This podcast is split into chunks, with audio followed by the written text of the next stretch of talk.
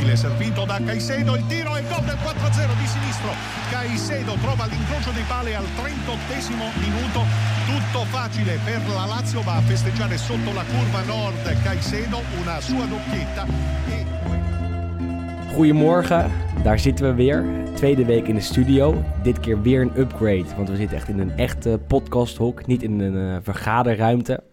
En met mij is deze week niet Wesley Mak, want die uh, ligt ziek op bed, heeft koorts, last van zijn stem. Die ligt mak op bed, of is dat, is ja, dat, dat denk ik. Ja, dat is te flauw, denk okay. ik. Maar jij bent er gelukkig wel, Sander Jongman. Ja, zeker. Uh, voor mij voor het eerst in deze, in deze setting. Dat we tussen een paar planken zitten en zwarte doeken. ja. Om het geluid een beetje te optimaliseren, denk ik. Maar uh, nee, hartstikke leuk om hier te zijn in Pand Noord in Amsterdam. Het is, Mooie plek ook. Ja, hartstikke mooi. FC Afkik is erop vooruit gegaan. En wij profiteren lekker mee met Lo Stadio. Zeker, niet meer in het, het kamertje met een verkeerde microfoon, verkeerde internetverbinding, noem het allemaal maar op. Maar gewoon echt met goede microfoons. En koffie van Broes. En koffie, dat, dat is lekkere koffie. Ja, ja lekkerder dan thuis, denk top. ik. En voor de luisteraar hopelijk een uh, betere geluidskwaliteit. En uh, dat hopen we het komende half jaar gewoon zo te houden. En daardoor kunnen wij lekker makkelijk over Italiaans voetbal lullen voor een, uh, voor een uurtje weer. Gaan we dan ook lekker doen. Um, nou ja, we beginnen bij het begin, denk ik. gisteravond speelden Lazio en Verona tegen elkaar. Dat werd 0-0. Um, maakte Lazio eigenlijk een slechte indruk, denk ik. En afgelopen zondag wonnen ze wel met 5-1 van Spal. Is het dan toch die wisselvalligheid die ze de das om gaat doen in de titelstrijd? Ja, ik denk eigenlijk het beste uh, voorbeeld daarvan is Immobile. Die, uh, die gisteren duidelijk zijn wedstrijd niet had. Ballen schoten van zijn voet. En uh, ja, hij zat er gewoon niet echt lekker in. En terwijl hij zondag tegen Spal schoot hij de een na de ander erin. zelfs één onmogelijk van, van randje 16, terwijl de keeper was uitgekomen. En hij draaide ja, op de grond ook nog. Een soort stiftje werd het. Hij draaide er ja, echt bizar eigenlijk omheen. Uh, doelpunt zeker het terugkijken waard. Maar ja, toen schoot hij alles wat voor zijn voeten lag, dat schoot hij erin. En gisteren had hij duidelijk zijn wedstrijd niet. Ik denk dat in principe het grootste verschil was. En ja, Spal kan er helemaal niks van. En Verona is gewoon een hartstikke goede tegenstander. Zeker. Blijkt. Leuke ploeg heeft uh, Verona. Ja. Met de uh, Kumbula, Rahmani. Amrabat was gisteren dan geschorst. Tegen Milan speelde die 60 minuten mee. Pakte toen een rode kaart. Ja. Um, kregen eigenlijk al een uh, kijkersvraag of een luisteraarsvraag over Verona van onze eigen broer Stol, de ja, producer. Van, van, van, de koffie. Ja, van de koffie, ja. de man bekend van de koffie. Um, wat Verona zo bijzonder maakt, is dat het werk van Ivan Djuric of uh, gebeuren daar andere speciale dingen? Heb jij nou, daar een antwoord op? Nou, ik heb zondag uh, uiteraard de Milan-Verona helemaal gekeken. Een wedstrijd die in 1-1 eindigde. En toen wat me eigenlijk het meest opviel, en je weet natuurlijk wel van het hele seizoen al dat ze zo spelen, maar nu kon je echt eventjes 90 minuten dat uh, van dichtbij aanschouwen. Uh, de manier hoe zij spelen, ze spelen een soort uh, 3-5-2 opstelling, maar iets anders dan bijvoorbeeld een Inter dat doet. Um, Inter doet het wat meer, uh, dat de focus nog wat meer ligt op de flanken die me blijven lopen. En ik heb bij Verona wat meer het gevoel dat de focus op het centrum ligt. Waar Amrabat Miguel... speelt ook. Ja, Amrabat en Miguel Verlossen met z'n tweeën als een soort van controleur staan opgesteld. Um, en daarvan is Amrabat eigenlijk een beetje de spelverdeler. Bijna alle ballen die worden bij hem ingeleverd en hij uh, legt ze vervolgens weer weg. Ook echt goed. Ik zag ook ergens een, uh, een buitenkant voetje langskomen waarvan ik dacht... hé, hey, dit is wel echt even een Amrabat, een hele andere dan we, dan we gewend zijn. Maar hij, ja, hij is echt een beetje de, de spelverdeler en echt de man. Elke bal wordt bij hem ingeleverd. En het blijkt gewoon dat het heel erg moeilijk is om tegen te spelen, dit systeem. Um, ik denk dat dat eigenlijk de grootste kracht is van, uh, van Verona. Je zag het ook aan Milan, die speelde dan zelf 4-4-2. Mm-hmm. En elke keer zat het middenveld een beetje te zoeken van... nou, moeten we nou doorstappen op Amrabat of Ja, op ja, Miguel ja. Verlosso? Want je kan ook niet helemaal doorstappen, want er komt de nummer 10 eh, vrij. Ehm, dus ja, het is, het is een lastig systeem om tegen te spelen. En dat is, ja, ik denk toch het werk van Juric, dat hij dat... eh, spelers weten precies wat ze moeten doen. Ja. Elke week, iedere speler. Het is echt een mechanisme. En dat zie je vooral in de topduels. Ze hebben het eh, Juventus heel erg lastig gemaakt. Kwamen er zelfs als voorsprong in Turijn. Eh, Inter scoorde pas laat tegen ze, won wel uiteindelijk. Lazio had het heel erg lastig. Milan, oké, het draait misschien iets minder, maar kon ook niet winnen van Verona. En dat terwijl wij ze eigenlijk al aan het begin van het seizoen hadden afgeschreven. Want we, we Ja. kenden al die spelers niet. Nee, dat is eh, de- ja, des te leuker eigenlijk, een verrassing. Maar inderdaad, aan het begin van het seizoen zagen we de... Ja, dan, dan kijk je alle verwachte opstellingen van Gazzetta. En dan, eh, ja, bij Verona denk je ook van... en ja, ik had ook nog in mijn, beeld, in mijn hoofd de, de Amrabat, zeg maar, die we van Feyenoord en, eh, en Utrecht kennen. Wat En een Club Brugge waar En Club Brugge, spelen. prima speler. Alleen eh, er nergens was hij echt een vaste waarde. Werd hij een beetje verschoven dan weer van rechtsback naar rechtshalf of, of uh, waar dan ook, waar die nodig was. Behalve op blijkbaar de positie waar hij moet spelen. Een, een soort als... regisseur als box-to-box. Een beetje een combinatie van allebei, denk ja, ik. want hij heeft echt uh, in dat opzicht alles van een goede moderne middenvelder. Hij is, hij is super sterk. Uh, nou, hij blijkt ook heel erg goed in de passing. Ja, hij gaat nu naar Fiorentina toe. Ik denk dat dat hartstikke, hartstikke Snap je de keuze? Want hij kon ook naar grotere clubs. Um, Fiorentina heeft een interessant project met een nieuwe Amerikaanse eigenaar. Maar staat nu wel veertiende. Ik snap zijn keuze zeker als ik het eh, salaris uh, hoor. Van, dat het dus tegen de 5 miljoen schijnt aan te liggen. Ja. Nee, dat is wel echt bizar voor een speler als Amrabat. Kijk, hij zou eerst naar Napoli gaan en dat ging uiteindelijk niet door, omdat Fiorentina een beter salaris Maar er zijn echt in de Serie A zijn niet heel veel spelers die zeg maar 5 miljoen uh, salaris verdienen. Ik denk dat hij gewoon de best verdienende speler van Fiorentina wordt, nog meer dan, uh, dan Ribéry. Dan Ribéry. Ik, ja, zeker. Dus uh, ik ben benieuwd of dat allemaal klopt zoals die berichten nu, nu gaan. Alleen, hij zal er sowieso niet slechter van worden. Ja. En Fiorentina kan ook doorgroeien. Ik bedoel, die investeren, hebben een paar interessante spelers gehaald, ook van Sassuolo, Alfred Duncan, Ehm, nog wat andere namen, Kouame van Genoa. Het zijn niet namen die uh, de gemiddelde luisteraar heel veel uh, belletjes doen laten rinkelen, denk ik. Maar het zijn wel spelers die kunnen doorgroeien, die Fiorentina kunnen laten groeien uh, naar het niveau dat ze naschreven. En dat is gewoon een Italiaanse subtop. Ik ben heel benieuwd zeg maar, of in hoeverre dit zijn keuze is. Uh, ik hoop namelijk dat het volledig zijn keuze is en dat hij dus echt goed over heeft nagedacht van... hey, oké, ik heb bij Verona gedaan, dan is Fiorentina een logische vervolgstap... in plaats van dat ik nu meteen naar een Inter zou gaan. Of Juve, of weet ik wat, of Napoli inderdaad Precies, alleen bij Napoli weet je dat A, de druk gigantisch is... en dat, ja, dat je ook niet echt in een lekker draaiend eh, team terechtkomt. Um, en die al een nieuwe middenvelders hebben gehaald met Lobotka ja, en Demmen. Dus ja, als hij echt zo heeft nagedacht van... hey, bij Fiorentina word ik onderdeel van een nieuw project... ik kan bovendien uh, gigantisch veel salaris uh, verdienen... En ik, ja, dat is voor mij een ideale vervolgstap. En de stap naar de absolute top kan ik misschien daarna nog zetten. Nou, daar zou ik dan echt respect voor. Dan heeft hij echt uh, zijn carrière goed uitgestippeld. Want hij kan zich natuurlijk ook geen foute keuze meer permitteren. omdat hij die al... Uh, ja, hij heeft al genoeg slechte ervaring achter de rug. Maar niemand had verwacht dat hij op dit moment al hier zou staan. Nee, dat hij, dat hij toch de sterspeler is bij op dit moment een Italiaanse middenmotor. Doorgroeit naar een uh, subtopper in de Serie A. Nee, en straks misschien op het allerhoogste niveau uh, te zien zal zijn. Ja, toen ik begin van het seizoen zag dat hij bij Verona terecht kwam ja, toen dacht ik ook van, uh, oh man, zul je zien, weet je, is bijna einde carrière. Want, Verkeerde uh, clubkeuze Hij gaat degraderen met dit Verona ja, en dan exact. zit je in de Serie B en dan ja, wil eigenlijk niemand je meer hebben. Kom je uiteindelijk weer terug bij, uh, bij Utrecht of uh, Heerenveen of weet ik veel wat. Alleen, ja, hij heeft dankzij Verona heeft hij wel de, de stap kunnen zetten. En ja, nu ligt er weer een hele mooie carrière voor hem. En toen dachten we ook, wie is Rachmani, wie is Kumbula? En dat zijn wel twee centrale verdedigers die tot nu toe heel erg goed zijn dit seizoen. Mm. En gewoon allebei een transfer gaan verdienen. En eigenlijk ook wie Juric, want ik ken, ja, ik ken hem nog zelf van uh, de Genua-periode. Ja. Toen had ik absoluut geen hoge pet van hem op. Had ook wel een zwak elf, zat, elf tot zijn beschikking, denk ja. ik. Bij Cortone heeft hij het aardig gedaan. Volgens mij was hij de trainer die met ze promoveerde. Maar het, um, het is niet echt een... Uh, dat je, als je hem ziet, denk je niet echt van... Poh, dat is even een tacticus. Of dat is even een uithangbord nee. van je club. Want het ziet er een beetje uit als een zwerver. Ik ben eens een keer naar Milan-Genoa geweest. Of Genoa-Milan. En toen was hij dus uh, coach van, van Genoa. En toen had ik ook, uh, was ik als pers. Dus ik had ook de persconferenties er meegepakt. En toen kwam er ook zo'n best wel klein, zielig mannetje binnen. en die ging zijn woord doen naar de zoveelste nederlaag. En toen... Wat Jane wel met je doet, hè? Dat, ja. dat maakt je gewoon kapot. Ja, dus toen, ja, ik had er niet echt een hoge pet van op. Maar uh, als je ziet hoe hij nu tactisch neerzet, ja, is echt, uh, echt alle credits. Toch nog even terug naar de titelstrijd, denk ik. Lazio laat dure punten liggen. Uh, Inter heeft dat de afgelopen weken ook gedaan. En Juve eigenlijk ook wel.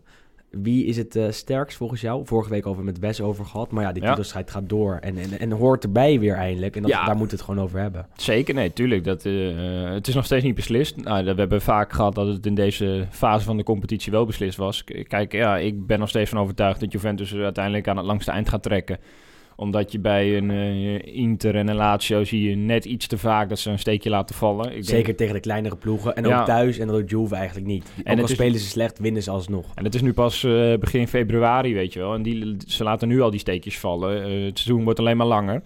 Dus ik denk dat uh, zij op een gegeven moment wel uh, nog meer punten gaan laten liggen. Ik denk gewoon dat Juventus over het algemeen het meest constant is. En die zijn nu, wat is zeven, acht keer achter elkaar kampioen geworden. Acht keer, ja. Dus die weten precies hoe ze met deze druk om moeten gaan. Daar is deze selectie wel Alleen sorry niet, hè? Nee, sorry niet. Voor hem, voor de trainer de eerste keer. De jaren hiervoor met Conte en met Allegri.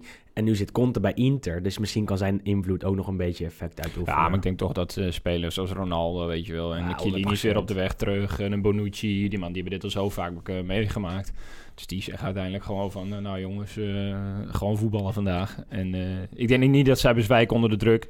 En ik denk ook dat zij puur kwalitatief gezien uiteindelijk nog wel beter zijn dan een Denk je dat? Op- Ja, ook op een, ja, dat, zeker in de breedte, maar ook qua eerste elf. nou, ik zag bijvoorbeeld de eerste elf van eh, Inter tegen eh, Udinese. Ja, Ja, ik, ja, ik snap wel dat... zwak. Ik, ik, ik snap wel dat, een, eh, dat ze een Jong en een Mozes hebben gehaald. Alleen, ja, dat is nog niet echt waarvan ik denk... nou, dat is even titelkandidaat eh, waardig. Maar het is wel een verbetering ten opzichte van de backs die er stonden. Zeker. En dat is denk ik op dit moment het belangrijkste voor Inter. Dat ze alsmaar doorselecteren en op de korte termijn nu eventjes investeren. Maar ook Esposito stond erin. ja, dat is, eh, een, kijk, dat is een jongen die op dit moment eh, nog niet klaar is voor de Serie A. Nee, Eh, hij is Wel 18. goede speler. Goede speler en hij wordt, hij, hij wordt hartstikke goed. Het is een uitstekende speler in, in potentie.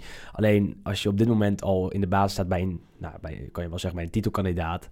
Eh, dan moet er meer, eh, me- meer op het veld te zien zijn dan dit. En hij laat het gewoon niet zien. nee, het geeft gewoon aan Eh, dat... dan kan je hem niet dat- de breedte nog niet goed genoeg is bij een. Inter. En kijk, ik denk dat ze dat uiteindelijk de kop gaat kosten.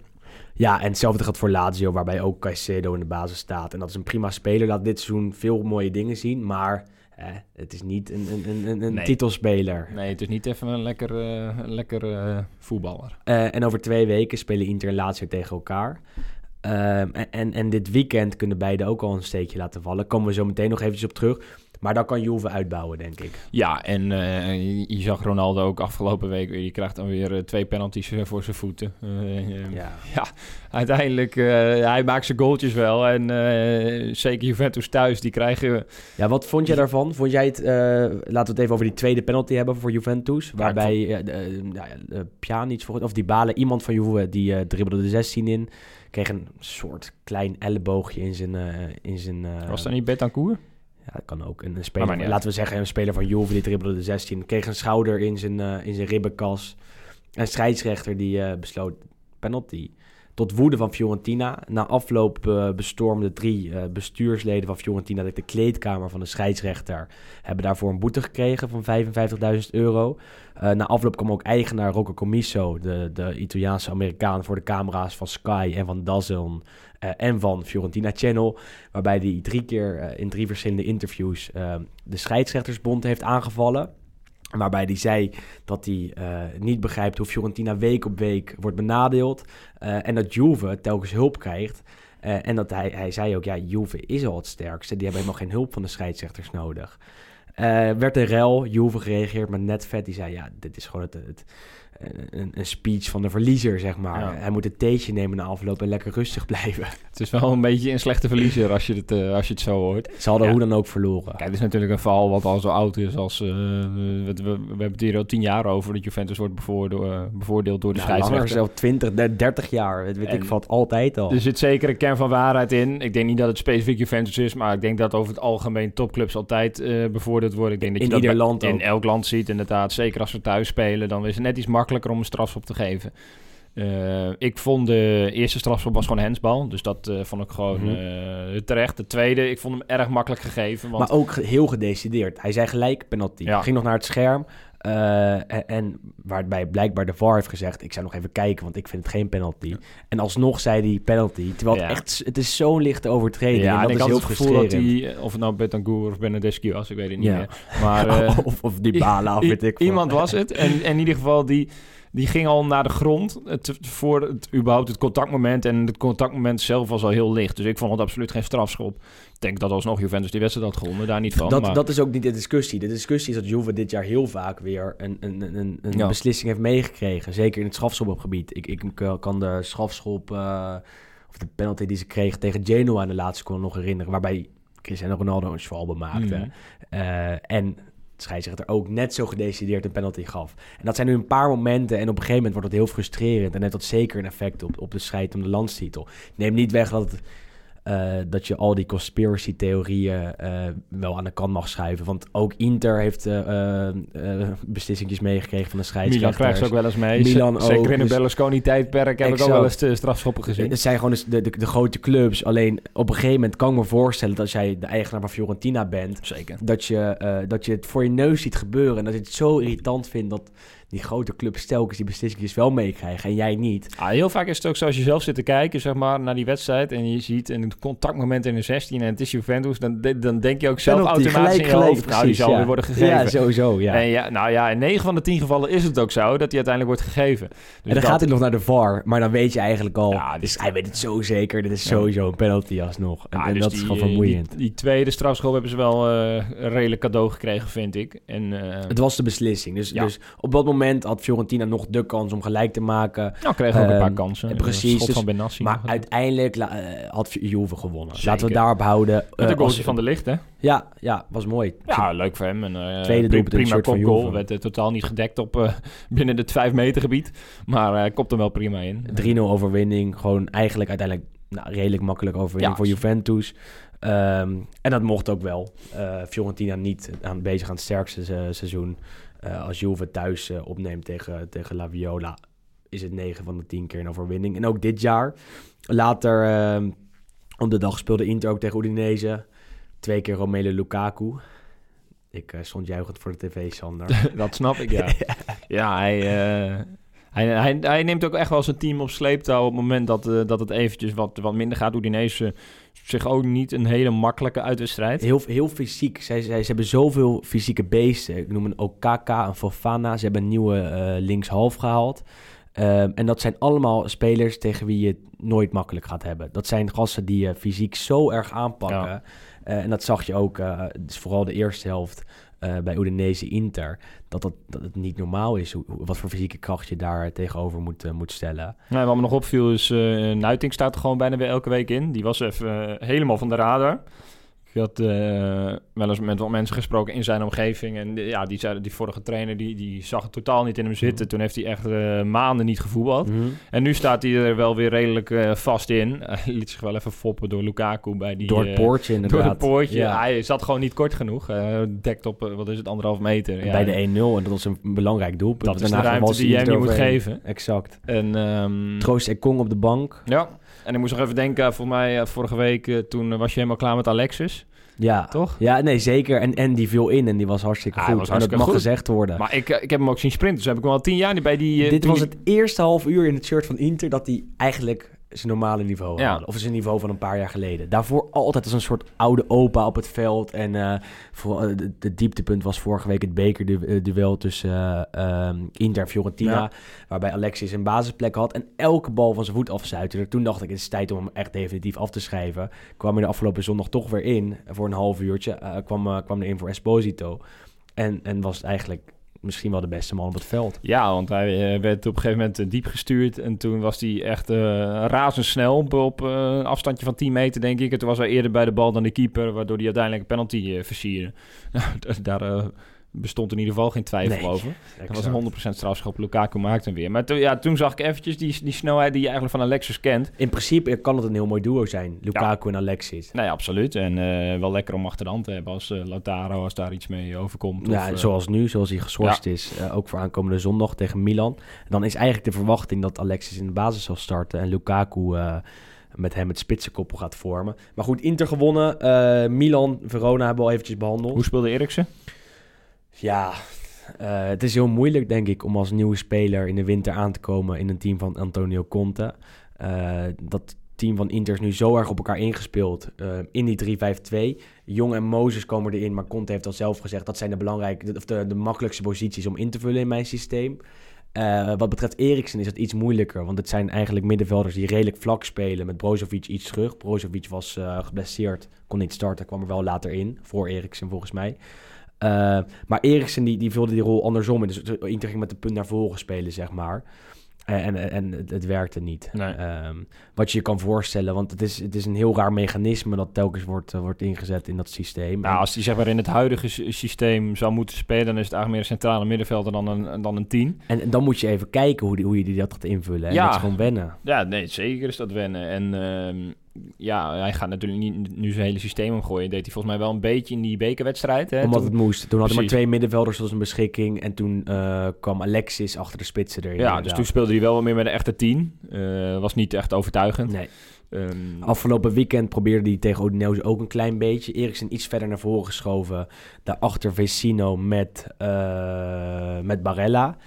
Ehm, en dat, het, het werkte niet. En dat zag je, het liep niet op het middenveld. Ehm, en op het moment dat Eriksen werd gewisseld, begon het weer te lopen. Omdat je dan op een gegeven moment al die puzzelstukjes weer in elkaar Ja. ziet vallen. Ah, daarom eh, was ik sowieso vanaf het begin al heel erg benieuwd naar die, eh, hoe dat uit zou pakken, die transfer van Eriksen. En absoluut nog geen conclusies Nee, aan verbinden. exact, dat is Het- is nog veel te vroeg. En eh, voor hetzelfde geld komt het er pas over een half jaar uit. Want voetballen kan hij natuurlijk Ja. wel. Dat, eh, En je moet wennen aan het systeem. Maar dat zie je bij Ja. heel veel spelers. Dat, dat het gewoon heel moeilijk is om... eh, Alleen er wordt even iets anders eh, onder uh, hem exact, ja. verwacht. En dat, veel rennen zal het zijn. En dan moet hij eventjes ja, even die omslag maken. Maar wat Sensi kan, kan Eriksen ook. Denk, denk ongeveer op dezelfde Ja, alleen positie. Sensi is voor mijn gevoel wel meer een bewegelijke speler. Ik denk Ja. dat hij iets sneller is dan Eriksen. En eh, ja, Eriksen is voor mijn gevoel wel echt een nummer 10. Weet je wel? Ja, dus ja. het is best wel lastig. En ik zou hem ook nog wel als eh 6 zien. Ja, Bijvoorbeeld... eh, maar in plaats van Brozovic gaat dat niet Nee, dat omdat Bro- nee, maar misschien in de toekomst dat uh, Ja, Brozovic ja, of zo een ja, keer wordt ja. verkocht. Alleen, ja, echt als centrale middenvelder die veel loopt, is voor mij is Eriksen niet echt zo'n speler. Dus ik ben wel heel benieuwd. En als tweede spits, stel Lautaro wordt in de zomer verkocht en dat je gaat voortbouwen op een, op een koppel met eh, Lukaku en Eriksen. Ja, ik denk dat het ook te weinig bewegelijk is. Kijk, Ja. eh, Lukaku, Lautaro, dat is gewoon... Ja, dan heb je, eh, je, hebt, je hebt kracht, je hebt snelheid, je hebt techniek, noem maar op. En ik denk dat Eriksen te statisch is als, zeg maar, als spits. Ja, voor mijn gevoel is het gewoon echt een nummer 10. En, eh, je kan 3-5-1-1 spelen met Eriksen erachter. eh, ja, maar misschien ja. raakt de Lukaku dan weer een beetje te geïsoleerd. Ja, dat denk ik eigenlijk wel. Kijk, juist die, Lukaku en ook Lautaro, die doen het juist heel goed omdat ze samen die chemie hebben met z'n tweetjes, dat ze elkaar kunnen aanvullen. Ja, dat is het lastige. van Inter heeft Eriksen gehaald, alleen er is eigenlijk geen plek in het huidige systeem, dus er moet iets worden gecreëerd of hij moet de omslag maken naar echt centrale middenvelden. Maar laten we vooropstellen dat als Inter de kans krijgt om zo'n speler te halen, absoluut. ten alle tijden moeten doen. Nee, Dus, eh, zeker. eh, al is het alleen maar eh, voor je uitstraling naar buiten. Ja. Inter kan wel even Eriksen binnenhalen. Dat exact, zijn die ook naar PSG clubs- of Barça of Real te gaan. Er zijn niet gaat, clubs die dat kunnen. Exact. Alleen, exact. ehm, ja, ik ben heel benieuwd hoe dit, hoe dit gaat uitpakken. Ik had wel, ja, wel vraagtekens en die vraagtekens zijn er nog steeds. Dus, eh, Nou, die zijn eigenlijk alleen maar bevestigd door het duel met. Ja. Alleen hè, eh, te vroeg om, om, te, om hem af te schrijven. Of nou, dat gaan we natuurlijk al helemaal niet doen. Maar eh, wat wel zo is, is dat die aankomende zondag tegen Milan waarschijnlijk vanaf de bank start. Omdat de middenvelders die dan beschikbaar zijn, wel gewend zijn aan het systeem van Conte. Dus je ziet dat die tijd moet, moet, moet krijgen om. Een tijd moet worden gegund om aan, aan, aan Inter te dat wennen. krijgt hij ook wel, Zeker. voorlopig. Grootste transfersoop van afgelopen winter, denk ik. En uiteindelijk tot een goed einde gekomen voor, eh, voor de Serie A. Ehm, Milan speelde gelijk tegen Verona. Ja, het was eh, iemand die twitterde no Ibra, no party. En dat was ook echt zo. Eh, kijk, Bizar hoe afhankelijk zal zijn hè, van Ibra. ja, van een 37, 38-jarige speler. Dat is best wel bizar. Alleen het is gewoon echt de kapstok van het elftal. Ehm, je, je kan altijd de bal lang gooien. Hij neemt er wel weer aan op onmogelijke manier. Bal op de borst, ballen eh, die hij uit de lucht eh, met, met, met de punt van zijn teen opvangt. De Jan Vennegoor van eh, Milan. Ja, ja eigenlijk Daar wel. komt het bijna op neer. En kijk, dan kan de rest aansluiten. Hij had altijd die bal va- vast. En nu speelt het met Rebic en Leao. Nou, Rebic kan in principe alleen maar rennen. En Leao is gewoon... Die kan best wel voetballen. Alleen hij is gewoon niet, niet sterk genoeg. Hij is geen aanspeelpunt. Rebic beter op linkshalf, denk ik. Ja, ja, gewoon, ja en dan gewoon eh, echt als tweede spits rondom... bijvoorbeeld rondom een Lukaku. Ik denk dat je er dan best wel wat aan, he- aan hebt. Want hij, eh, Lukaku lekker de duels uitvechten. en Rebic continu diep sturen. En eh, ja, gewoon Leao en Rebic samen is te licht. Dus je hebt gewoon heel erg Ibra gemist. Dus ik hoop dat hij komende zondag terug is. Waarschijnlijk wel. Hij eh, Ja. was ziek en hij zal wel weer een paar dagen aan het trainen. Verwachting is dat hij aankomende zondag gewoon kan, kan spelen. Ja, en het zou me niet verbazen. Dit is natuurlijk wel een wedstrijdje voor Ibra, hè? Je hebt hem nodig. ja. En ik zat net even een samenvatting te kijken van eh, het heenduel tussen Milan en Inter. En daar had, zaten er wel eentje gemaakt, denk ik. Ja, het- Piontek kreeg een paar kansen en vooral kopkansen. En dan denk ik, als je die bij Ibra geeft, dan kopt hij hem wel gewoon in. Eh, Ja, al heeft Ibra het vizier ook nog niet helemaal op scherp. Ik heb hem eh, ook al een paar balletjes zien missen vanaf open eh, doel. open doel. Ja. Al twee keer. Ook eh, tegen Torino in de beker. Ehm, Maar ja, desalniettemin wel al heel erg belangrijk. Voor Nee, ja, dat, dat is absoluut zo. En eh, het is natuurlijk geen toeval dat Milan met hem eh vijf wedstrijden had gewonnen en hij is de één dag niet. En je wint thuis niet van Verona. Maar en dat is wel heel erg zonde, want, want het gaat niet zo goed bij Atalanta en AS Roma. Tenminste, op dit moment eventjes niet. Ja, ik zat ook te rekenen thuis. Ja, het, het kan- je kan je prima nog plaatsen voor de Champions League. Want Eh, eh, Roma had verloren op zaterdagavond. Het gat is zeven punten. Stel Milan had gewonnen, was het vijf punten geweest. Dus je Ja. werkt er dan langzaam naartoe. Ah, dat, dat is een mooi altijd hè, van Milan. Die, je begint toch weer hoop te krijgen. Je gaat toch weer rekenen. En uiteindelijk word je gewoon weer teleurgesteld. Toch tiende. thuiswedstrijd tegen Verona op zondagmiddag. Ja. Alleen, ehm, ja, je krijgt toch weer een beetje hoop. En ehm, ja, wat dat betreft is te hopen dat eh Ibrahimovic zo lang mogelijk eh, speelt en fit blijft. Kijk, Juve, Inter en Lazio hou je niet meer in. Atalanta en Roma in principe ook niet. Maar we beginnen nog ook te wel. morsen. hè. En, Ja. ehm, Atalanta thuis tegen Genoa gelijk gespeeld. Had je ook niet verwacht. nee. en dan verloren van Spal thuis. Als ze zulke soort wedstrijden niet gaan winnen... En nou, daarom zat ik te denken van als Milan dan wel per ongeluk had gewonnen, weet je wel. Dan sta je dus gewoon, eh, wat is het, op eh zeven punten of zoiets? nee, je staat, nu op nou, zeven punten, je staat nu op zeven punten. Dan was je naar vijf punten Vijf, gegaan. nou, dan was, eh, ja, weet je, dat is best wel te overzien. Zeven Zeker. punten zou in theorie nog wel kunnen, alleen... Alleen dan verlies je de derby weer zondag. En dan sta je weer op, op acht punten. Ja. En nu dan op tien. Maar... eh, eh, en dat net even vergeten bij Lazio. Nog een Nederlandse doelpunt te maken. Ja, ah, dat kan je. Ja, ja, wel een eh, interessante ontwikkeling, denk ik. Is de derde spits tegenwoordig. Zeker Ja, bij en, afwezigheid van Korea. Gisteren stond hij op het punt om in te vallen.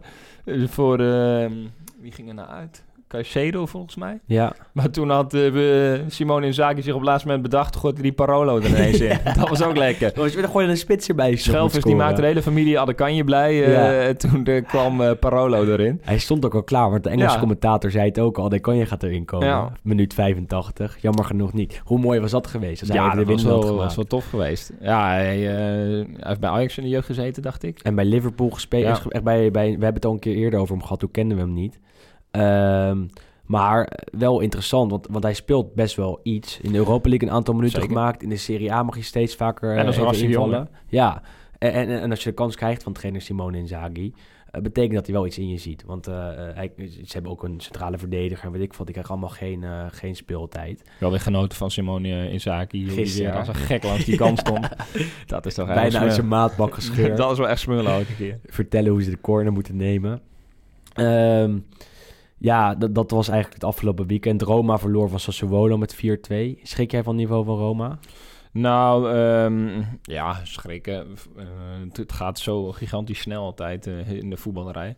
Zoals Kenneth Perez altijd zegt, het eh, voetbal is een dagvers product. Nou, ja, dat is lekker zo. opportunistisch. Want Roma die was eigenlijk best wel met een goede periode bezig. En nu vielen ze weer, of zakten ze weer de, volledig door het ijs. In de derby met Lazio waren ze beter. Ja, ze ze waren echt hartstikke goed. Toen speelden ze eigenlijk eh, heel erg goed. En nu, eh, wat was het, binnen kwartier 2-0 achter door twee keer Caputo. Ja, daarna Juricic nog. Een hele mooie goal van Boga gezien in de, in de verre hoek. Alleen, ja, eh Sassuolo uit op zich. Er zijn wel meer clubs die daar verliezen. Verwijt is- van Zeko was wel dat ze te veel jonge spelers hebben. En dat ze daardoor zo wisselvallig zijn. Nou, dat, is, dat vind ik op zich wel een eh, terechte verklaring. En dan, dan zie je dat dan Saniolo wegvalt in de winter. Ehm, en daar wilden ze Politano hebben, wilden ze Januzaj. Eh die kwamen allebei niet. En, en toen hadden ze Perez van Barcelona. Dat is toch wel weer een, een, een niet-rijpe speler... Die, die het ook zou moeten laten zien bij Roma. Die ook eigenlijk op het hoogste niveau nog niet heel veel heeft gespeeld. Ehm, en dan snap je het zeker wel dat er te veel jonge spelers eh, eh, zijn... die de ene week wel presteren tegen Lazio... dus de andere week compleet, eh, compleet door, het, door het ijs zakken. Waardoor Roma nou ja, vijfde staat en, en gewoon vol met Atalanta moet gaan vechten om, eh, om die Champions League kwalificatie aan het einde van het seizoen. En daar komt Milan straks misschien nog wel bij. Wie Ik weet, zag, hè? ik zag eh, Spinazzola, was dat volgens mij, bij, die, eh, bij de eerste goal van Caputo, toen hij hem uitkapte. Of was dat de tweede? Dat was- ja, was het Spinazzola ja, of Mancini? Mancini. Ja, want ik, zat Mancini het, was ik dat. kon het terugnummer Ik niet ook goed niet. zien. Ik heb het nog teruggekeken, maar ik kon het alsnog niet zien. Volgens mij was Mancini. Nou, die ging er niet? even blind in. Hey. Die, die denkt, nou weet je wat, ik ga even liggen. En nou ja, je wist ook van tevoren al, die gaat Die kappen. gaat kappen, precies. En die, die kan hem zo in het hoekje leggen, Want ook, als je zo verdedigt, snap ik ook dat je 4-2 eh, 4-2 verliest. Ze horen bij de slechtste verdedigingen in Europa van 2020. Zelfs met Smaldini achterin. Ja, die, als die het al niet kan redden, dan, dan weet je het wel. Ehm, maar ja, wel in de gaten houden, want... eh, ja, dit wordt een interessante strijd op meerdere fronten. Ik bedoel, eh, om de titel, om de Champions League plekken, ook nog om de Europa League plekken, waar Cagliari en eh, Parma ook nog vol meedoen. Onderin is nog steeds Onderin spannend. nog spannend, want Lecce won opeens van Torino. Maar eh, voor de mensen die niet elke week Letje kijken, je moet even die samenvatting kijken. Ze hebben dus vier goals gemaakt en ze gingen alle vier bijna stijf de kruising in. Het was echt alleen maar... gele- alleen maar Wondergoals. ja, dat was echt bizar. Gewoon alles. iemand die schoot volgens mij met zijn totaal verkeerde benen. Ja. Die vloog weer in de kruising. nee, dat was wel een redelijk bizarre wedstrijd. En tegen Torino, dat de week daarvoor al met eh, 0-7 van Atalanta had verloren. Ja. Midweeks al door Milan werd uitgeschakeld in de beker. En nu op bezoek moest bij Lecce. En dan denk je, misschien tijd voor de ommekeer. Dan eh, redt Mazzari zijn, eh, zijn baan nog. Maar niet was minder waard. Dat heeft hij niet gered. Het werd 4-0 voor Lecce, Mazzari ontslagen. Een nieuwe trainer is Moreno Longo. Dat is een eh, oud jeugdtrainer van, eh, van Torino. Eh, ondertussen vertrokken naar Frosinone en nu keerde terug op het oude nest. Eh, en hij zei, ja, als Torino komt, dan moet ik. Dan, eh, Ja, dan ga ik. ja, dat is wel eh, mooi. Zeker, En clubman. eh, Matsari heeft het op zich best wel een tijdje goed gedaan. Het was meer afbreken dan, eh, dan voetballen. maar er zit veel meer in, dit team, denk ik. Ja, ja, zeker dan wat ze nu laten zien, Ja. absoluut. Maar Matsari heeft ook wel, wat is het, een tijdje rond eh plekje 7, 8 eh, Vorig seizoen ongeveer, gehangen. ja. ja. En eh, toen was het een hele lastig te bespelen ploeg. Echt eh, heel gedisciplineerd. Ook en, eh, fysiek, net zo fysiek als, als Udinese, met, met echt beesten. Maite, Ja. Gigi en noem het allemaal maar op. Alleen ja, deze vier nederlagen op rij, dat was wel erg... Ja, die 0-7. eh, en, en, en volgens mij wankelde zijn positie al voor de 0-7. En, en dan word je zo vernederd in eigen huis. Nou ja, dan krijg je ook bijna het vermoeden dat die spelers het wel een beetje hebben laten lopen. Als je, maar ook die, die, die 0-7 inderdaad tegen Atalanta, dat was echt verschrikkelijk. Want op een gegeven moment weet je toch ook, en dan ga je toch ook de schade beperken, weet Ja. je wel. Het is, natuurlijk, Atalanta is goed, alleen... Ja, je weet toch op een gegeven moment wel van dit, tot hier en niet verder, weet je wel. Ben- complete scheid, rode kaarten nog. En, Ja, eh, inderdaad, Gewoon ja. alles weg. En dat wel 0-10 kunnen worden. Ja, want, we- want Sirigu, de keeper, was nog de beste man van het, eh, van het veld, zo wat. Bij 0-3 of 0-4 denk je toch wel selectie van, nou weet je wel, het wordt in ieder geval geen 0-7. Laten we met, met tien verdedigers gaan spelen, weet je wel. Maar eh, nou, die is eruit. En toch ook de, de trainer van Brescia is ook eh, ja, eruit, toch? voor de- dat, over Italiaanse praktijken gesproken. Corini, die werd in oktober ontslagen. werd opgevolgd door Fabio Grosso. Grosso deed het niet goed. Die werd na een maand alweer de laan uitgestuurd. En toen dacht eh, de eigenaar Massimo Cellino... ehm, weet je wat, het ging toch best wel goed met, eh met Corini. Laat hem terughalen. Nou ja, zo'n trainer laat zich er blijkbaar voor lenen. Staat dan nog onder contract bij Ja. Brescia. Want eh, die wordt gewoon op non-actief gezet. En die, die kan worden teruggehaald. Hij wordt gewoon doorbetaald. Exact. Dus eh, nou, hetzelfde geldt voor, voor Spalletti bij Inter. Stel Conte zou worden ontslagen, zou Spalletti nu nog kunnen worden aangesteld. Want die krijgt nog betaald van Inter. Nou, bij Inter gebeurt het niet. Bij Brescia wel. bij Genoa een aantal keren gebeurd. Bij Palermo vroeger. Nou, dat was ook het probleem dat Milan Spalletti niet kon halen. Ja. Of niet Deze week nog een halen. rel over geweest. Precies, omdat eh, hij staat nog gewoon onder contract bij Inter. Dus dan zou je hem moeten afkopen of met Inter een eh, soort compensatie En afspreken. dat wilde Inter niet. Nee, en eh, voor Milan kostte dat ook uiteindelijk te veel geld als je Pioli gewoon Mhm. ja, eigenlijk gratis kan op. Ja, die stond nergens meer onder contract. Maar goed, Corini weer terug bij Brescia en weer ontslagen. Dus, en, en het mooie is dat ze dan een trainer aanstellen, Diego Diego Lopez. Lopez, ja. Die het ook nog nooit ergens goed heeft gedaan. Heeft bij. Cagliari gezeten? hè? Ja, Cagliari eh, zou trainer van Genoa worden dit jaar. Waarschijnlijk. Eh, of tenminste, op dat moment waarschijnlijk. Werd hij uiteindelijk niet. Eh, want dat werd uh, Davide Nicola. Ehm, dit is echt zo'n...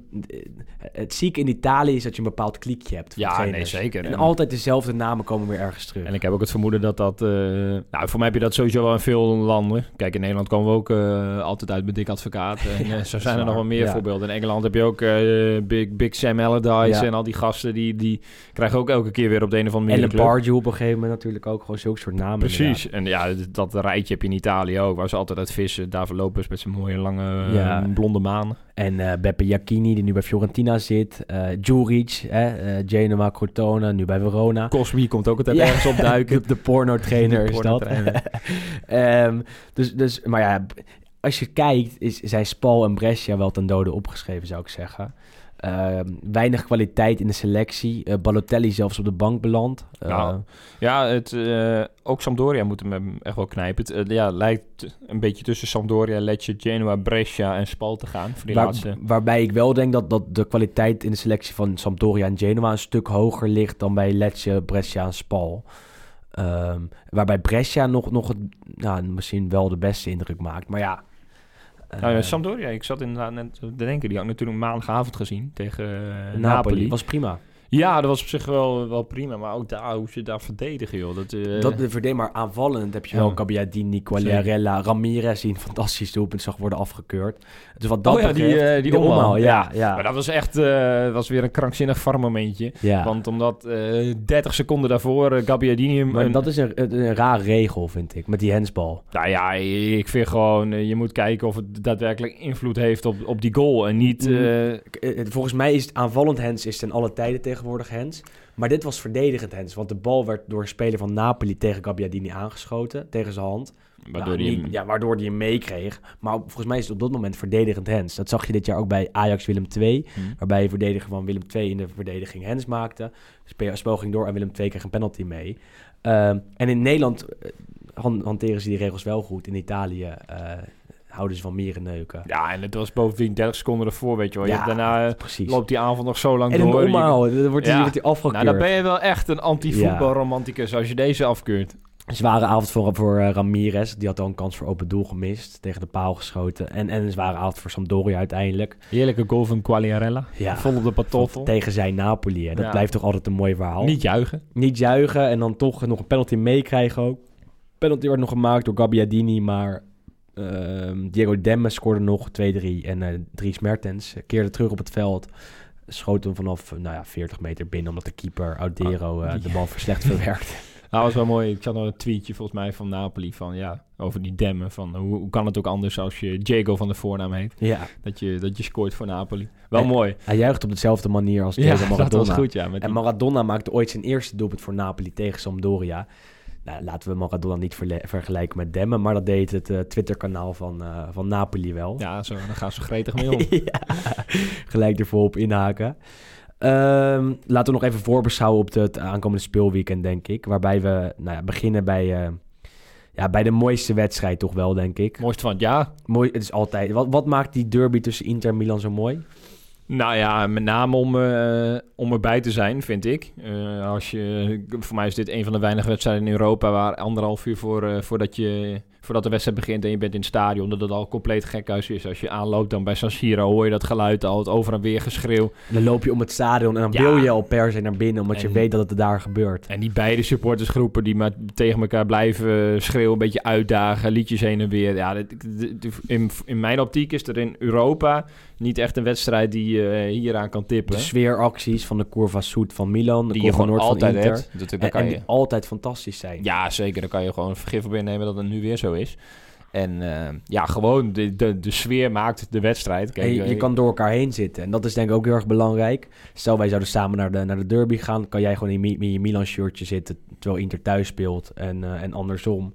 En dan kan je gewoon ook keihard juichen als ze scoren. En dat Ja. is heel belangrijk. Hij loopt eh, zelden uit de hand dat er rellen Mhm. zijn of iets. Het is meestal gewoon verbaal elkaar uitdagen. En inderdaad met die prachtige choreografieën elkaar uitdagen. Maar eh, het- ja, ik, ik heb daar nog nooit rellen gezien. Nou, jij bent er vaker eh, geweest. Nee, ik ook niet. Ik ook niet. Nee, en, maar dat hebben de, de harde kern ook met elkaar afgesproken. Aangezien je, je speelt in Milaan natuurlijk. En je broer kan voor Milan zijn terwijl jij voor Inter bent. Ja. Dan ga je niet met elkaar vechten om een voetbalwedstrijdje. Dat hebben ze aan het begin van, van de 21ste eeuw, dus eigenlijk 20 jaar geleden, met elkaar afgesproken. Weet je wat, we gaan elkaar gewoon bestrijden met die sfeeracties, met die spandoeken. maar niet met, met geweld om en rond het stadion. Dus dat maak je ook niet mee. En, eh, Ja, er zijn zoveel mooie momenten rondom deze wedstrijd. Als je aankomt lopen, inderdaad, je dat het publiek al hoort. Dus je wil naar binnen. En op een gegeven moment komen die spelers. Nou, dan komen eerst eh, die van eh, ja, in de, zeg maar, de tegenpartij. mhm. En dan een gigantisch, dit keer, dat je denkt, oh, gigantisch Jezus. fluitconcert. En dan Ja. komt je eigen ploegie. En dan iedereen helemaal uit, uit zijn plaat. Vaak vuurwerk erbij. Ja, dit is echt wel een van de... Ja, ik vind zelf persoonlijk de mooiste wedstrijd eh, van Europa. En Ibrahimovic wordt gehaat bij Inter, omdat hij eh, destijds eh, ja, een beetje arrogant vertrok. Nog wat de uitspraken deed in interviews, slechte uitspraken over Inter. Cor van Noord van Inter boos. En de laatste derby van Ibra was mijn eerste derby waar ik ooit heen ging. Toen scoorde die. Penalty? Eh, nee, overstapje van Robinho. Ibra neemt de bal mee, stift hem over. Handanovic al heen. Eh, Ibra rent naar de middenlijn en die springt er overheen. En die, die staat met zijn armen gespreid voor de koor van Noord Als van God? Hier, hier ben ik dan. Ja, ah, mooi. Ehm, en aankomende zondag is hij weer aanwezig. En ben ik ook aanwezig. Dus dat is ook wel, eh, wel heel erg mooi. Maar dit keer mag je niet scoren. Dat, eh, liever, liever niet. Liever nou, niet. dit zijn wel de wedstrijdjes die eh, Ibra in ieder geval rood omcirkeld heeft. De, ik, ik verwacht er zeker wat van. Ja, maar het is wel mooi, want je hebt Ibra tegen Eriksen. Je hebt Lukaku tegen Salemakers. oh ja. Daar moeten we het ook nog even over hebben, die Salemakers. Ik kreeg een appje van eh, eh, M- Michael. Ma- is het nou Michael? Ja, Michael van Warenberg. Even, sorry voor de, voor de verspreking, Michael. Dat, dat is puur het verschil tussen ik- België en Nederland. Precies. Ja, nee, exact. Ehm, die zei, Salemakers is eh, gehaald als rechtsvoor. Ja, Maar die is eigenlijk een rechtsback. oké. En die kan alleen maar rennen. Ja, En die is qua int- spelintelligentie niet echt goed. nee, ik had niet de indruk dat hij heel positief Nee, over dat, ik heb net eventjes met hem geappt en die zei, die zei ook... Ja, dat- ja, het is echt afwachten, want hij heeft maar drie goede voorzetten in zijn, eh, in zijn leven gegeven. En dat is dan wel zijn beste kwaliteit. Dus- Oké. nou ja, dat, eh, ik denk dat Milan weer een eh, fantastische speler erbij ja, heeft. precies. Nou, ik heb me er wel voor verbaasd eh, ehm, over de transferperiode. Niet zozeer wat eruit is gegaan, want dat vind ik heel goed werk van Maldini en co. Dat zij eh, overbodige spelers hebben geloosd met veel te veel salaris. Dus eh, ja, je hebt gewoon, ik las ergens 80 miljoen bespaard in de rest van, eh, van dit, dit, hun contractperiode. Wel belangrijk, denk ik, voor de Hartstikke belangrijk en het was ook nodig. Alleen de spelers die je er dan vervolgens weer voor terughaalt, daar snap ik dan weer helemaal niks van. Inderdaad, een Salemakers. Nou ja, ik, ik moet heel eerlijk zeggen, ik ken hem niet. Ik, eh, ik heb alleen eh, verhaal, wat filmpjes gekeken en eh, ik had een eh, polletje, of een polletje, ik had een vraag op Twitter eruit gegooid. Nou, kan iemand mij hier iets over vertellen? Hij kan geen Engels, hè? En, en Stefano Pioli, de trainer van Milan, ook niet. Ehm Salemakers kan Be- Belgisch en Frans. Pioli alleen Italiaans. Ja, nou, nou dat klinkt sowieso weer als een topcombinatie. Nou, het verhaal is dat Salemakers afgelopen weekend inkwam... en dat hij niet wist voor welke positie. Oké. dus, dus hij keek rond en hij ken- herkende de spelers een beetje. En eh, toen dacht ik, oh ja, daar kom ik hiervoor in. Maar eh, niet omdat de trainer zo goed, eh, zo goed instrueerde. Maar ik kreeg die reacties van, van de Belgen. En die, de, positieve reacties over Salemakers, die zijn echt op één hand te tellen. Het was alleen maar van, nou, niet zo'n hele intelligente speler... die ook nog eens eh, zelden in de pas loopt. Het is een beetje een extravagante figuur, schijnt. Eh, die eh, een beetje een type Ibrahimovic, zeg En maar buiten het veld. Milaan terecht, hè? En Schijnt een auto in de prak te hebben gereden. Eh, dus eh, ja, dat zijn allemaal op zich wel tekenen waar ik eh, wel blij van word. Maar Alleen- zulke soort spelers hebben het heel moeilijk in Milaan altijd. Zeker als je jong bent en er naartoe gaat. Je kan goed uitgaan in Milaan. Eh, je hebt alles wat je wil. En, en dat Ja. zag je bij spelers als Gabigol. En eh, ook in mindere mate was iets minder jong. Eh João Mario. Die eigenlijk dagelijks in de nachtclubs te vinden waren. En, en op het veld niets lieten zien. Maar ik had de vorige afgelopen weekend was Adam Mos bij ons, bij, eh, bij Fox. En toen eh, vroeg ik hem eh, over die sademakers. En hij zei, toen zei ik ook van, nou, het schijnt een lastige jongen te zijn. Toen zei Aad, nou ja, het is toch een Belg. Dit zijn toch over het algemeen geen lastige jongens. Dus daar zit op zich ook alweer Mhm. wat in. Misschien dat die, eh, ja, dat Ibrahim wel veel op zijn plek zet daar in die kleedkamer. Maxime Lestien is toch ook een moeilijke jongen. En is ook een Belg. Dat is ook alweer zo. Dus eh, het- kan wel. Zeker. Nee, het is ook een beetje een vooroordeel natuurlijk. Alleen... eh, En hoop. De, de reacties zijn niet eh, positief. En hij heeft een kwartiertje gespeeld tot nu toe. Dus eh, laten we niet... eh, Nee, zelfs als afschrijven. Eriksen. Even afwachten. Maar eh, kijk, dit is natuurlijk een hele andere categorie die je hebt binnengehaald. Dit is gewoon een soort van tweede rechtsbuiten. En hopen dat hij het goed doet. En En, als hij het dat niet goed het, doet, ja, dan, dan is het jammer. Dan heb je niet veel in nog geïnvesteerd. Maar dan heb je het wel geprobeerd. Oh, ja, daar moeten we het nog even over hebben. Sorry. Nee, Bij eh, ehm, Milan is natuurlijk... wordt nu Rangnick genoemd. ja. De, de coach van... of de voormalig coach van Leipzig, zegt dat goed? In ieder geval... eh, Eh, volgens mij, hij is nu de technisch directeur van Leipzig. Hij heeft daar allemaal opgezet en nu is Nagelsman de trainer daar. Ja, hij was een tijdje eh, coach, als het, een soort van een tussenpaus. En ehm, ja, hij wordt nu zeer gelinkt aan Milan, door eh Bielt met name. Eh, werd ook weer eh, in Italië natuurlijk groot uitgemeten. Al wel een paar maanden. Hè? Dat, Ja. dat, dat liep eigenlijk al in december. En afgelopen week pakte Beeld nog maar eens eh, groots uit. En die zei, het is nu echt eh, gedaan. Ranjik wordt aankomende zomer en technisch directeur van Milan en de trainer. Die gaat het gewoon, daar gewoon helemaal doorlichten.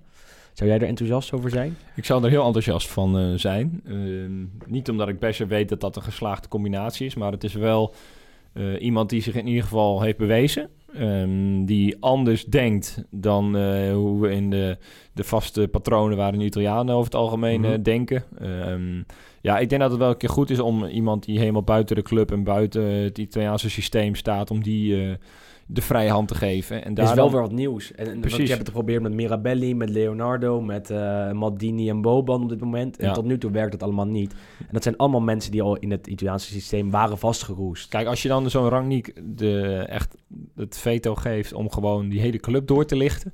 En gewoon eh, die hele club, dat, volgens mij is dit een utopie hoor, dat het überhaupt in Italië kan. Want er zijn altijd zoveel politieke eh, belangen en eh, mensen die je weer moet, eh, moet pleasen. Alleen, altijd. stel het kan, dan denk ik dat het wel eh, positief kan gaan werken. Eh, ik zou in ieder geval wel enthousiast worden van, van als die komt. Geen, je hebt nooit garanties, zeker niet bij Milan. Maar het is in ieder geval een keer een eh, out-of-the-box ID. Het is een goede poging om weer, weer terug op het niveau te komen. Maar het is nog lang niet zover. Ik, Nee, ik zie, het, zie het moeilijk gebeuren, want er kwam gelijk een statement naar buiten vanuit het bestuur van Milan. Dat ze gewoon heel enthousiast zijn over het werk van Pioli. Ja. En dat ze niet weer van trainer willen wisselen en weer van beleid. Maar ja, je zag het afgelopen zomer. Dat gebeurt gewoon heel makkelijk. Nee, en gezien het contract van Pioli is dat toch ook wel meer een tijdelijke oplossing. Ja, of hij moet tussen per ongeluk pauze. Champions... Kijk, als hij Champions League gaat halen, dan gaat hij blijven. Ja, dat gaat natuurlijk niet gebeuren. ja, uiteindelijk, ja, het zou leuk zijn als het lukt. Maar, maar Nee, dat het is, eh, eh, wat je zegt, bijna een utopie dat Pioli eh, dat gaat lukken. En op dit moment doet hij, hij doet zijn werk prima. Het, het is redelijk rustig. Het is weer iets beter gegaan naar de winter. nou, het valt me alleszins mee. Ik dacht, Ja. kijk, veel lager kon natuurlijk ook niet. Nee, ja, het, hetzelfde geldt bij. Het is gewoon altijd zo. Zulke soort clubs komen altijd wel terug richting het linkerrijtje. Ja. En, en richting de echte subtop. Als hij uiteindelijk Europees zal halen, dan heeft hij het gezien zijn mogelijkheden, gezien zijn verleden eigenlijk hartstikke goed gedaan. Nog wel een paar mooie wedstrijden aankomend weekend. Eh, Fiorentina-Atalanta op zaterdagmiddag om drie uur. Eh, Verona tegen Juve, eh, waarbij Verona moe zal zijn van het werk in het Stadio Olimpico afgelopen woensdag tegen Lazio. Wel een uitgeruste Sofian Amrabat. Uitverkocht met de Godi. Ik wilde erheen. Eh, gaat me niet meer lukken om ertussen te komen. Want ook ik niet als pers. Nou, ik ben met mijn zus en met mijn vader. Dus dan, dan ga ik gewoon lekker uit eten. En die wedstrijd op de achtergrond of iets dergelijks. Ja. En dan de volgende dag de derby. Dus daarvoor gaan we uiteindelijk. En ehm ja, je hebt dat, al dat- kaarten. Ik heb kaarten voor de, voor de derby wel. Maar Hoe voor, heb je dat gedaan, Willem? Wat? Die kaarten. dat is toch niet normaal? Oké, laatste keer.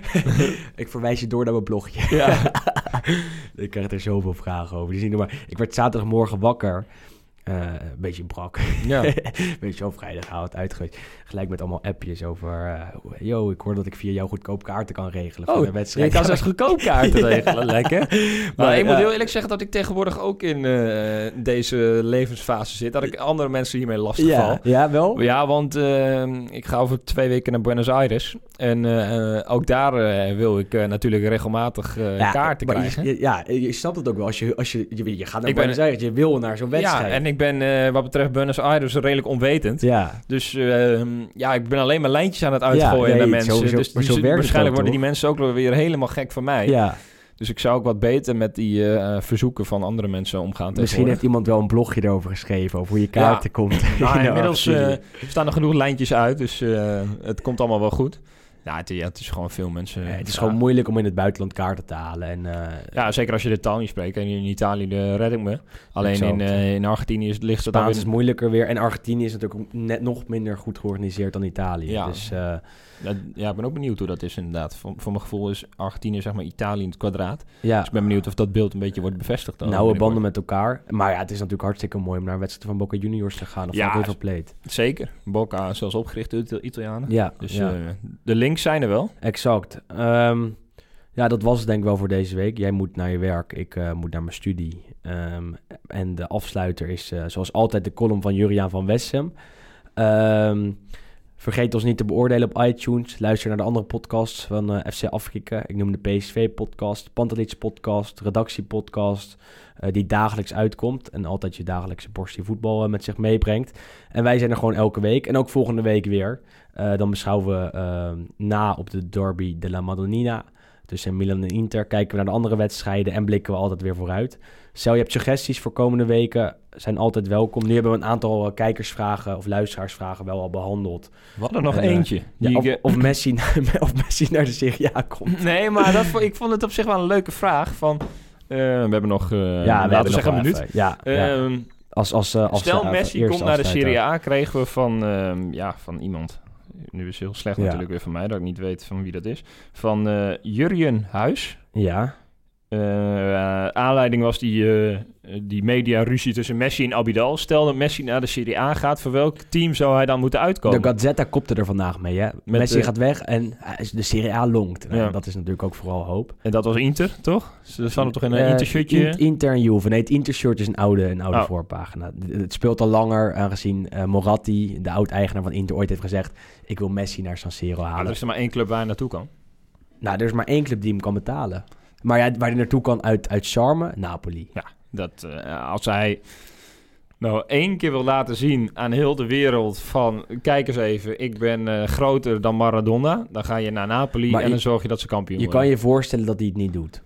Nee, ja, tuurlijk, omdat Want, het afbreukrisico veel te groot dat, is. Alleen en, dat vind ik dus jammer. Dat, daarom daar heb ik hier altijd eindeloos discussies met mensen over. Over eh, Ronaldo versus Messi. Maar, Ronaldo, die pakt die uitdaging gewoon. Die gaat gewoon naar Juventus. Maar het is, het, eh, als je, ik bedoel vooral Napels.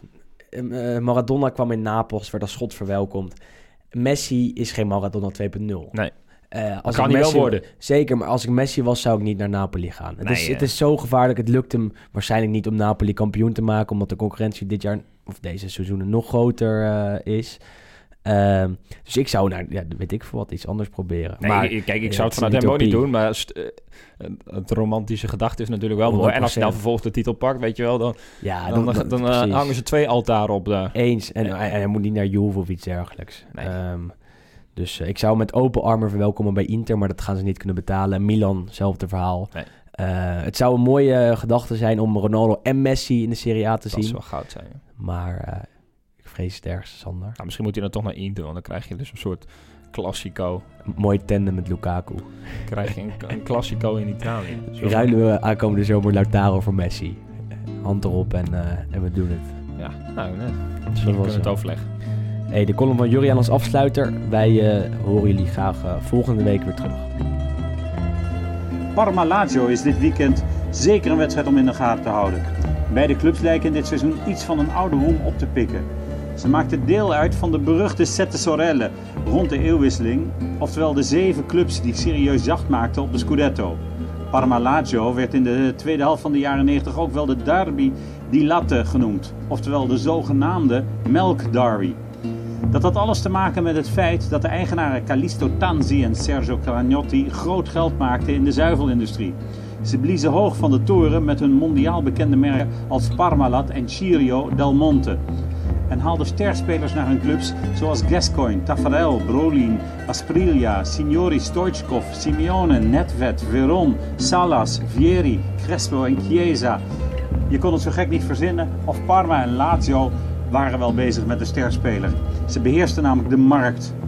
Ze gaven de Serie A ook zeker glans. Ze wonnen samen zes Europese bekers, vijf Coppa's Italia, drie Supercoppa's en één Scudetto. En dat allemaal tussen 1992 en 2003. Natuurlijk deden beide ondernemers ook veel zaken met elkaar. In 1995 had Cagnotti topscorer Beppe Signori eigenlijk al verkocht aan Parma, maar de speler weigerde een overgang omdat hij in Rome min of meer door de fans werd gegijzeld als hij de club op dat moment zou verlaten. Signori was daar zeer gevoelig voor en Cagnotti kon niets anders doen dan de deal afblazen. Toch gingen er genoeg spelers van de ene naar de andere club, zoals de Argentijnen Veron en Almeida. Beide clubs leefden op veel te grote voet. Maar dat had op dat moment bijna niemand door. Cragnotti en Tanzi behoorden tot de grote industriëlen van het land en niemand twijfelde eraan dat achter hun mondiaal opgebouwde imperia niet een stevig fundament zat. Maar dat bleek in 2004 in beide gevallen van bordkarton. Parma Lazio werd de derby della truffa, oftewel de derby van list en bedrog, van de oplichters. Beide ondernemers moesten zich voor rechters verantwoorden en kregen enorme gevangenisstraffen vanwege het schenden van het vertrouwen van investeerders zoals pensioenfondsen. Beide bedrijven gingen failliet, een DSB-affaire in het kwadraat en er was heel veel geld zoekgemaakt, ook achterover gedrukt, onder andere ten faveur van de voetbalclubs. Lazio kwam na een politiek machtsspel in handen van Claudio Lotito, nadat hij had bedongen dat hij bij het aflossen van de belastingsschuld van 120 miljoen 20 jaar kon spreiden. Parma werd overgenomen door lokale ondernemers, maar toen die mensen er ook een potje van maakten, werd de club failliet verklaard en moest opnieuw beginnen vanuit de Serie D. In drie jaar keerde Parma terug naar de Serie A en nu is de club weer een subtopper. Parma Lazio is geen derby di latte meer, maar ook geen derby della truffa, maar gewoon een duel tussen twee ambitieuze subtoppers.